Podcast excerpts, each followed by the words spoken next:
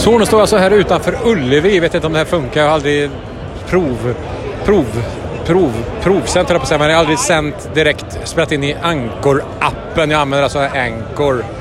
Utanför Ullevi är det fullt i folk. Kommer folk till höger, till vänster och bakom mig. Och jag står utanför Ullevi Lounge ser jag. Fast det är inte det jag ska in utan jag ska in på främre ståplats. Eh, folk är upprymda. Jag såg precis en trio som bokstavligt talat ramlade ut ur en taxi. Jag tänkte först att det var gubbar som inte... Att de hade någon form av... Att de hade hällt sirap i kroppen. För de bara... De bara, de bara tre stycken, de bara en efter en. Bara, först kommer det ut en gubbe och tänkte men gud han är ju svinfull. Så några sekunder senare kom det en till och sen en till. Så det var tre stycken som bara var så jävla berusade. Och det får man vara. Det har inte jag med att göra om folk tycker om att supa. Men klockan är alltså... Den var ju sju, lite innan sju. Och, då, och Maiden spelar ju typ om ett par timmar kan jag tänka mig. Så att fan hålla uppe den nivån. Det är imponerande. Jag eh, har druckit ett par öl. Jag brukar inte dricka när jag går på konserter men idag så tänkte jag ta ett par öl och jag köpte den här Trooper-ölen är det väl va? Ja, den heter ju, men det står något annat, Oscar. Ja men det är Trooper, precis den heter Trooper.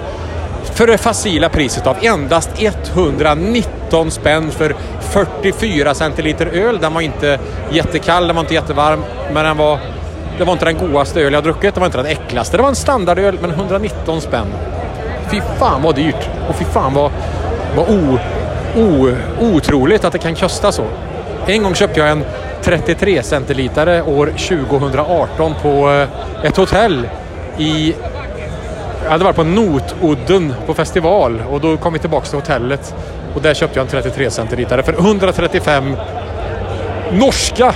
Men eh, det hjälper ju föga här.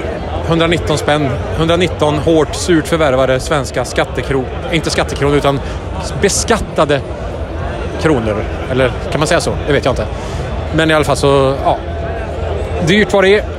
Och, eh, men stämningen är på topp skulle jag vilja säga. Det är ju den här sköna känslan när man är i Göteborg eller Stockholm eller någonstans och det liksom lever upp för att det är en stor megakonsert. Jag älskar att gå på mindre konserter, det är väl det roligaste egentligen på lite mindre ställen. Men då blir ju inte staden präglad på samma sätt. Om jag kollar på Daniel Lanois på Pustervik så är det ju inte så att man märker ju inte det redan på centralstationen att, att det är Daniel Lanois lookalikes som stryker omkring i solglasögon utklädda till hur han såg ut när han producerade U2's The Joshua Tree eller någonting sånt där. Utan, men här är det ju mycket t-shirts.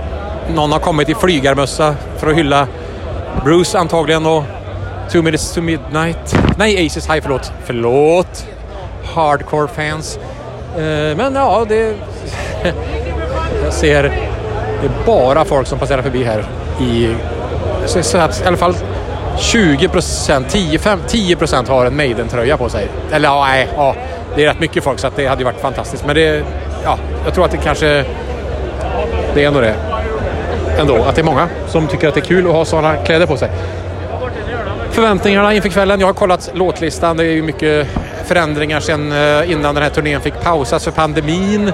Vissa låtar kommer jag inte få höra som jag hade hoppats på. Till exempel The Evil That Men Do som är en av mina favvo Maiden-låtar. Eh, men jag kommer få höra ett par låtar från Senjutsu. Tre låtar kommer de att spela, det vet jag. Jag fattar dem som sagt. De har släppt en skiva. Pandemin gjorde att de kunde inte slutföra turnén utan då spelade de in en platta istället. Jättekul för dem givetvis. Sen är det ett par obskyra nummer. Någon Alltså nu, nu, säger jag ju det här, det här, så här kan man ju inte säga med Springsteen-konsert. Då kan du inte kolla på en låtlista innan och säga att ja, jag vet vad som kommer komma, för det vet du, vet du faktiskt inte alls. Men med såna här typ av band så vet man ju ganska väl vad som kommer att komma för att det har varit ganska identiska låtlistor de senaste showerna. Men eh, vi tar det som det kommer. Några låtar kommer jag nog kanske stå lite halvsova eh, som är lite mer obskyra från eh, eror som då jag inte var så hemma på Maiden, men det är klart att de ska såklart spela det. Jag är ju inte ett hardcore-fan, men jag är ett fan och jag gillar framförallt The Glory 80s. Men så, sån är jag. Jag får skylla mig själv att jag inte har sett dem under The Glory 80s eller under andra eror där de har gått in för det. Men det kommer ju bli skitmycket ändå 80-talsklassiker. Så att det gillar vi. Vi och återstår att se. Jag får rapportera hur det här blir någon gång. Men nu så tackar jag för det här. Lite bonusavsnitt, lite sådär bara. Ja, tack. Hej. Så jag måste ju summera upp det här sen naturligtvis. På något jävla vänster. Eh, och det gör jag ju i min podd Myrholms Elektriska som hälsar välkommen till att vi är här. Det är rätt roligt att det är en del väldigt mycket yngre folk som är på plats. Även en del rutinerade rävar som har varit med förut. Man har sett en och annan hårdrockskonsert som har krängt på sig en och annan t-shirt och svettats på ett antal konserter. Men även en och annan typ 18-20-åring som säkert inte har sett Maiden sen kanske aldrig någonsin utan de gör sin första Maiden-show. Precis som jag, så jag sällar mig till den skaran. Ehm, ja, men nu säger vi så. Tack, puss, hej, kram. Bra.